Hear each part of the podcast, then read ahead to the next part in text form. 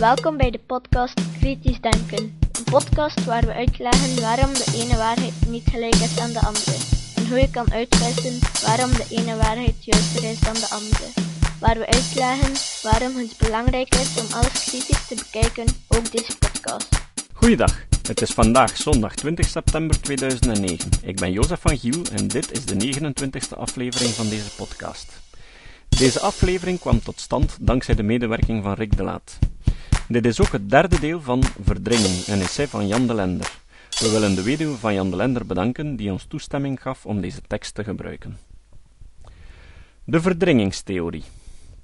In een tekst die in 1895 werd geschreven, maar die eerst in 1959 werd gepubliceerd onder de titel Entwurf eine Psychologie für Neurologie, aus der Anfängen der Psychoanalyse verdedigde Freud voor het eerst de stelling dat het fundamentele werkingsprincipe van het psychisch apparaat het lust-onlustprincipe is. Dit betekent dat, tussen aanhalingstekens, het menselijk psychisme zo zal werken dat het ernaar streeft zoveel mogelijk lust te ervaren en onlust te vermijden. Aangezien de herinnering aan onlustvolle gebeurtenissen gepaard gaat met een ervaring van onlust, zo redeneerde Freud, zal het psychisme geneigd zijn dergelijke herinneringen te vermijden.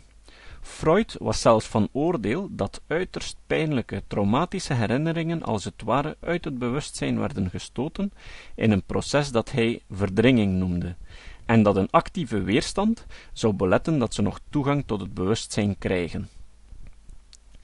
Freuds verdringingstheorie omvat volgende stellingen. 1. Het is mogelijk dat een verdringing als het ware actief uit het bewustzijn wordt gestoten. Freud noemde deze uitstoting vertrengung, verdringing.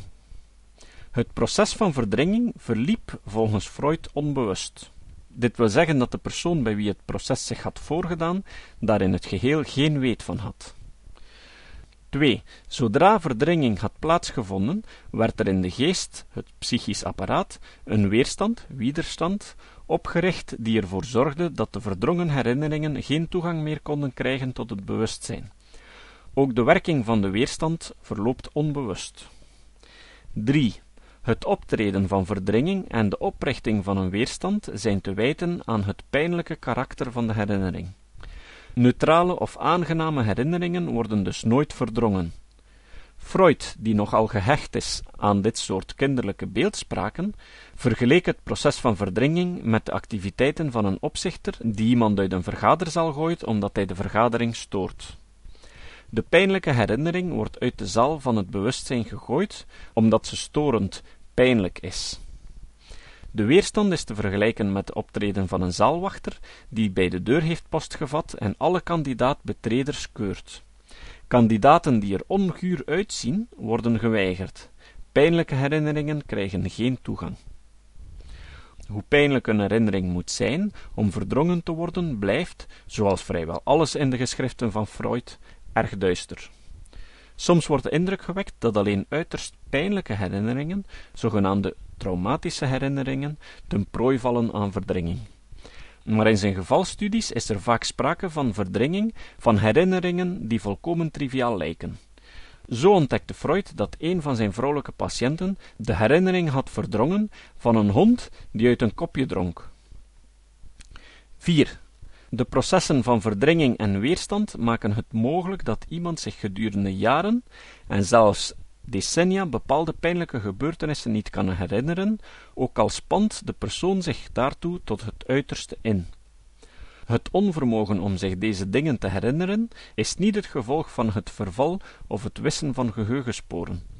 Het is louter een heractiveringsprobleem. De inhoud van het spoor kan niet meer in het bewustzijn worden opgeroepen, maar het spoor is volkomen intact. 5. Dankzij een therapeutische techniek die Freud heeft ontwikkeld, is het mogelijk de weerstand te doorbreken en de verdrongen herinneringen opnieuw in het bewustzijn op te roepen. Omdat de betrokken geheugensporen intact bewaard zijn, keren de herinneringen dan met grote kracht en levendigheid terug. Dit betekent dat iemand zich tijdens de psychoanalytische therapie zeer klaar gebeurtenissen kan herinneren die gedurende decaden niet meer in zijn bewustzijn waren geweest. 6. Volgende bedenkingen, vaststellingen en onderzoeksgegevens lijken de verdringingstheorie van Freud duidelijk te weerleggen. Ten eerste. De theorie is in strijd met alledaagse ervaring. Laat ons om te beginnen vaststellen dat de dagelijkse ervaring, het bestaan van een onbewuste tendens om pijnlijke herinneringen buiten het bewustzijn te houden, in het geheel niet bevestigt. Mensen herinneren zich de auto-ongevallen die ze hebben gehad, de ziekten waaraan ze hebben geleden, het verlies van hun dierbaren, vernedering, pijn. Meer nog, vaak moeten ze ervaren dat ze er, ondanks bewuste inspanningen, niet in slagen pijnlijke herinneringen buiten hun bewustzijn te houden. Vaak erkennen wij met ons verstand dat het geen zin heeft over een voorbije nederlaag, een pijnlijk verlies te blijven piekeren. Het verleden kan toch niet ongedaan worden gemaakt, en herinneringen veroorzaken alleen maar pijn. We doen ons uiterste best om de herinneringen uit ons bewustzijn te sluiten, maar we slagen daar niet in. We brengen slapeloze nachten door tijdens de welke de herinneringen onbeheersbaar in ons bewustzijn ronddolen en we moeten de normale bewerking van ons brein onderdrukken met behulp van alcohol of slaapmiddelen om wat vergetelheid te vinden. Freud beweert dat mensen zouden lijden aan een onvermogen om zich pijnlijke dingen te herinneren, maar wij ervaren elke dag dat het tegendeel waar is. Het is onmogelijk om pijnlijke dingen te vergeten. Men mag de bewijskracht van zulke algemeen menselijke ervaringen niet onderschatten. De Britse fysicus en wetenschapsfilosoof John Simon schrijft terecht: Als je bewering in tegenspraak is met het alledaags gezond verstand, is het even ongeloofwaardig als de weerlegging van een theorie door een onnodig ingewikkeld en moeilijk te begrijpen experiment. Ten tweede, de theorie in zijn strijd met evolutieleer. De bewering dat pijnlijke herinneringen worden verdrongen is niet alleen strijdig met de algemene menselijke ervaring. Zij is ook op biologische gronden uitermate onwaarschijnlijk.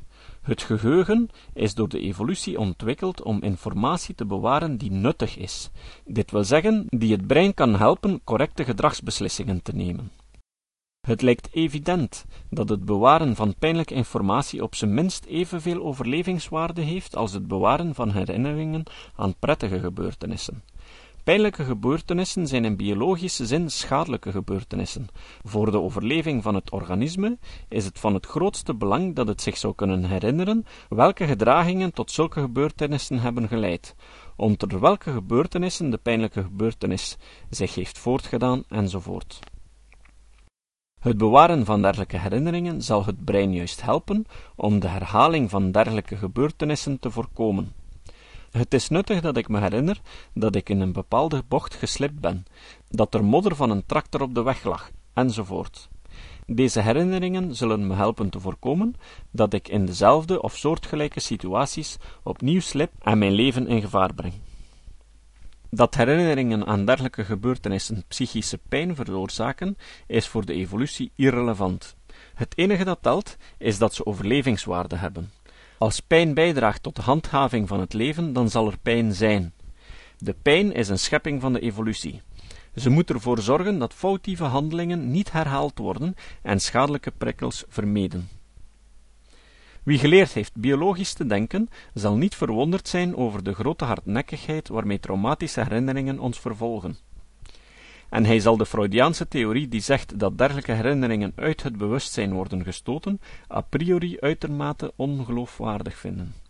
Een theorie die zo flagrant in strijd is met de meest elementaire biologische overwegingen en met onze alledaagse ervaringen, moet ondersteund worden door bijzonder krachtige evidentie maar de theorie is door psychologen aanvaard, zonder dat Freud één spoor van evidentie heeft geleverd. Ten derde, de theorie wordt weerlegd door onderzoek naar het effect van emoties op het geheugen. De alledaagse ervaring wordt bevestigd door proefondervindelijk onderzoek naar het effect van emoties op het geheugen. De resultaten van de beschikbare onderzoeksgegevens kunnen als volgt worden samengevat. Sterke emoties bevorderen het onthouden, onverschillig of de emoties positief of negatief zijn. Mensen onthouden makkelijk momenten van intens geluk en plotse vreugde, maar ook ervaringen van plotse teleurstelling, diep verdriet en ondraaglijke pijn. Geheugenpsychologen zeggen dat intense emoties zorgen voor het ontstaan van flashbulb memories, letterlijk flitslampeherinneringen, omdat deze herinneringen krachtiger, levendiger en duurzamer zijn dan degene die gevormd worden door emotioneel neutrale gebeurtenissen. Een opmerking van mezelf. Ik heb ooit een cursus geheugentraining gevolgd. En een van de trucken die wij leerden was juist om iets dat we moesten onthouden te proberen te koppelen aan iets dat sterk emotioneel is. Het fenomeen lijkt niet moeilijk te begrijpen. Sterke emoties gaan altijd gepaard met krachtige corticale activering en een actieve cerebrale cortex vormt waarschijnlijk betere geheugensporen. Bovendien zullen geheugensporen aan emotioneel geladen gebeurtenissen makkelijk geheractiveerd worden, zodat er veelvuldige herinprinting optreedt. Het effect is zo frappant dat sommige onderzoekers, zoals Brown en Kulik, de geheugenbevorderende effecten van emoties zijn gaan overdrijven. Volgens hen zouden flashback memories vrijwel onuitwisbaar zijn en ook nauwelijks ten prooi vallen aan vervorming maar die conclusie moet worden gerelativeerd. De mythe van de onuitwisbare flashbulb memories is als volgt ontstaan. Als men mensen vroeg wat ze aan het doen waren, waar ze zich bevonden en met wie ze samen waren, op het ogenblik waarop een of ander bijzonder aangrijpend gebeuren zich had voorgedaan, dan bleek dat vele mensen zich al deze dingen, zelfs na vele jaren na het gebeuren, nog met grote levendigheid konden herinneren. Als Brown en Kulik aan Amerikaanse proefpersonen vroegen: Waar was u toen u vernam dat president Kennedy was vermoord? Dan bleek dat vrijwel alle ondervraagden, twintig jaar na de feiten, moeiteloos op deze vraag konden antwoorden. Het was, zo vonden Brown en Kulik, alsof het schokkende nieuws een flitslamp had doen afgaan, waardoor elk Amerikaan bijna fotografisch in zijn geheugen had vastgelegd wat hij op dat moment aan het doen was. Merk op dat het nieuws van de moord voor de overgrote massa van de ondervraagden pijnlijk was, maar dat niemand het had verdrongen, zoals een goede Freudiaan zou verwachten. De basisbevinding van Brown en Kulik heeft stand gehouden. Emoties bevorderen het onthouden. Maar ook zogenaamde flitslampeherinneringen zijn niet perfect betrouwbaar. Ook zij zijn onderworpen aan processen van verval en vervorming telkens weer blijkt dat we geen vertrouwen mogen hebben in de subjectieve gevoelens van zekerheid van mensen. Ook als mensen zich 100%, sommigen zeggen 200%, zeker voelen van wat ze zich herinneren, blijkt dat hun herinnering fouten kan bevatten of zelfs betrekking kan hebben op iets dat nooit is gebeurd. De grote les is dat het menselijk geheugen uiterst feilbaar is en dat we geen enkele herinnering als juist of zeker mogen aanvaarden zonder zorgvuldige authentisering. Dit wil zeggen zonder dat de juistheid van de herinnering wordt bevestigd door andere onafhankelijke controlemiddelen. Bij experimenteel geheugenonderzoek in het laboratorium is de authentisering van de herinnering uiterst eenvoudig. Een onderzoeker die een lijst met woorden of zinloze lettergrepen heeft gedicteerd aan een proefpersoon, beschikt over een simpel controlemiddel: het kaartje waarop de lettergrepen gedrukt staan. Hij hoeft zijn eigen geheugen niet te vertrouwen. Hij hoeft zich niet te baseren op het gevoel van subjectieve zekerheid van zijn proefpersonen. Als hij wil weten of een herinnering van zijn proefpersoon al dan niet correct is, hoeft hij alleen maar de kaartjes te bekijken. Maar het authentiseringsprobleem is veel neteliger als we het episodisch geheugen, real-life memory, van mensen willen bestuderen. Als iemand me vertelt wat hij aan het doen was op het moment dat hij het nieuws van de Kennedy-moord vernam, hoe kan ik dan met zekerheid nagaan of de herinnering klopt? Meestal zal de verificatie van de herinnering zeer tijdrovend zijn. De onderzoeker zal bijvoorbeeld met andere personen moeten gaan praten die op het moment van het gebeuren bij de proefpersoon waren. Vaak zullen alle controlemiddelen ontbreken. Wie zich bewust is van de feilbaarheid van het menselijk geheugen, beseft dat controle onontbeerlijk is om ernstig wetenschappelijk onderzoek over het geheugen te kunnen doen. Alle beweringen die niet gebaseerd zijn op geauthentiseerde herinneringen moeten zonder meer als waardeloos worden beschouwd. Een eerste controlemiddel bestaat erin dat men proefpersonen vraagt onmiddellijk na een emotioneel schokkende beleving te noteren wat er gebeurd is. Men kan er redelijkerwijs van uitgaan dat de gebeurtenis dan nog fris in het geheugen ligt en dat er niet voldoende tijd is geweest voor het optreden van ernstige vervorming. Het optreden van vervorming kan worden onderzocht door de proefpersonen eerst jaren later onverwacht de gebeurtenissen opnieuw te laten reproduceren. Toen de Amerikaanse ruimteveer Challenger op 28 januari 1986 na een vlucht van nauwelijks 90 seconden ontplofte, waren vele Amerikaanse geheugenpsychologen voorbereid. Sommige onderzoekers, zoals Neisser en Hersch, vroegen hun studenten nog dezelfde dag alles uit te schrijven wat ze zich over het gebeuren herinnerden. Waar ze waren toen ze het nieuws vernamen, wat waren ze aan het doen, met wie waren ze samen, wat hadden ze precies gehoord en gezien. Drie jaar later vroegen de onderzoekers hun proefpersonen onverwacht dezelfde vragen te beantwoorden. Over het algemeen bleek dat de proefpersonen zich nog veel over het gebeuren herinnerden, maar de herinneringen waren allesbehalve fotografisch. Eén studente herinnerde zich bijvoorbeeld duidelijk dat ze het nieuws had vernomen terwijl ze in de collegezaal zat. Maar drie jaar geleden had ze geschreven dat ze met een vriendin aan het telefoneren was toen haar moeder haar het nieuws kwam melden. Sommige studenten waren verbijsterd toen ze hun herinneringen vergeleken met wat ze drie jaar voorheen hadden geschreven. Ze hadden zich zo zeker gevoeld van de juistheid van hun herinneringen, en toch strookten die helemaal niet met het relaas dat ze vlak na de gebeurtenis hadden genoteerd. Ten vierde, Freud geeft geen evidentie voor zijn theorie. De verdringingstheorie is alleen maar een verhaal, zoals de sprookjes van de gebroeders Grimm. Het is goed bedacht en de meeste mensen vinden het fascinerend. Maar er is geen spoor van evidentie die het verhaal ondersteunt. De enige evidentie die Freud ooit heeft aangeboden zijn de verhalen van zijn patiënten. Nooit heeft Freud een poging ondernomen om de verhalen te authenticeren. Dit wil zeggen te controleren bij middel van onafhankelijke en betrouwbare informatie. Deze houding is schokkend en onbegrijpelijk voor elk expert die weet hoe feilbaar het menselijk geheugen is. Maar het ontbreken van elke vorm van controle is zeker niet het enige probleem. De wijze waarop Freud de zogenaamde verdrongen herinneringen van zijn patiënten heeft gekregen, schept een sterk vermoeden dat het helemaal niet om echte herinneringen gaat, maar dat Freud zelf bij de patiënten valse herinneringen heeft ingeplant. Opdat de luisteraar zich zou realiseren hoe zwak Freuds evidentie is, dient hij eerst iets te weten over de onbetrouwbaarheid van het menselijk geheugen en over de mogelijkheid tot het implanten van valse herinneringen of pseudomemories. De feilbaarheid van het menselijk geheugen. Onderzoekers weten al lang dat zich bij mensen spontaan allerlei valse herinneringen manifesteren. Herman Ebbinghaus, de beroemde 19e-eeuwse Duitse geheugenonderzoeker, stelde vast dat zijn proefpersonen bij zijn herkenningstests makkelijk tot valse herinneringen kwamen.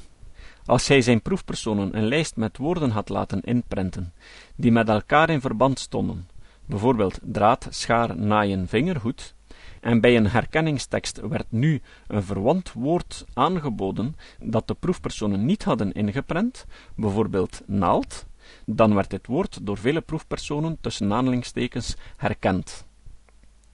In het dagelijkse leven blijken vaak spontaan valse herinneringen op te treden. De beste techniek om dit fenomeen aan te tonen is de zogenaamde logboektechniek. Hij bestaat erin dat men de deelnemers aan het geheugenonderzoek vraagt om over een periode van enkele weken tot enkele maanden een logboek bij te houden. Het logboek is een notitieboekje dat de proefpersoon constant meedraagt. Zijn opdracht is alle meldenswaardige gebeurtenissen, noteworthy events, onmiddellijk te noteren. Een logboek is betrouwbaarder dan een dagboek, omdat de gebeurtenissen erin genoteerd worden zo snel mogelijk nadat ze zich hebben voorgedaan. Net zoals een scheepskapitein al zijn bevelen en observaties onmiddellijk in zijn logboek noteert. Notities in een dagboek worden als regel eerst uren, soms dagen na de feiten gemaakt, en zijn daardoor minder betrouwbaar. Aan het eind van de notitieperiode onderzoekt men wat de deelnemers zich over deze periode herinneren. Een van de markantste bevindingen is dat mensen zich allerlei dingen herinneren die nooit hebben plaatsgevonden. Vaak zijn proefpersonen verbluft als ze hun herinneringen confronteren met hun eigen logboeknotities. Hun geheugen blijkt soms hele verhalen uit het niets gecreëerd te hebben. Nuchtere en sceptische mensen hebben zich altijd gerealiseerd dat dit kan gebeuren. De Britse natuurkundige Freeman Dyson schrijft: The problem is not so much that I forget things, the problem is that I remember things that never happened. Het probleem is niet zoveel dat ik dingen vergeet, het probleem is dat ik dingen herinner die nooit gebeurden. De volgende keer bespreken we het inplanten van valse herinneringen. Het citaat. Het citaat van vandaag komt opnieuw van Richard Dawkins. Het citaat komt uit zijn boek De kapelaan van de duivel. Hij verwijst er naar de theepot van Bertrand Russell. Bertrand Russell was een belangrijke wiskundige en filosoof uit het begin van de 20e eeuw. Hij was een overtuigd agnost. Hij zei dat er geen reden is om in een god te geloven. Dat illustreerde hij door te beweren dat er een theepot in de ruimte rond de zon draait, ergens tussen Mars en Jupiter. Maar ze is te klein om ze te kunnen waarnemen. Het probleem met die theepot is dat hij niet falsifieerbaar is. Het is onmogelijk om te bewijzen dat de uitspraak niet waar is. Dat geldt ook voor de uitspraak van het bestaan van een god. Dus, Richard Dawkins gaat in op deze theepot. Dawkins zei: De reden waarom georganiseerde religies een ronduit vijandige aanpak verdienen, is dat, in tegenstelling tot het geloof in Russells theepot, het geloof krachtig, invloedrijk en gesubsidieerd is, en ook nog eens systematisch wordt overgedragen aan kinderen die te jong zijn om zichzelf te kunnen verdedigen en een goede afweging te maken. Kinderen worden niet gestimuleerd tijdens hun studiejaren idiote boeken over theepotten te lezen en uit hun hoofd te leren. Door de overheid gesubsidieerde scholen sluiten geen kinderen uit wier ouders voorkeur naar de verkeerde soort theepot uitgaat. Theepotgelovigen stenigen geen theepotongelovigen, theepotafvalligen, theepotketters en theepotgodslasteraars. Moeders verbieden hun zonen niet om te trouwen met theepot andersdenkenden, wier ouders geloven dat er niet één maar drie theepotten zijn. Mensen die als eerste de melk in het kopje schenken, beschieten geen mensen die de thee als eerste in het kopje schenken. Tot de volgende keer. Dit was de podcast Kritisch Denken. Vergeet niet om alles kritisch te behandelen, ook deze podcast. Voor verdere informatie over deze podcast, links en voor de tekst, surf naar www.kritischdenken.info. Als je deze podcast belangrijk vindt, dan kan je me steunen door andere mensen warm te maken ook eens te luisteren. Stuur een e-mail naar je vrienden met een link naar mijn website of plaats de link in de handtekening van je e-mails. Kan me ook steunen door op iTunes deze podcast een goede beoordeling te geven of een recensie te schrijven. Of je kan op je eigen website of blog een link naar mijn website plaatsen. Hoe meer links, hoe sneller je gevonden wordt op Google. Dat kan beloond worden door een link naar jouw website bij mij.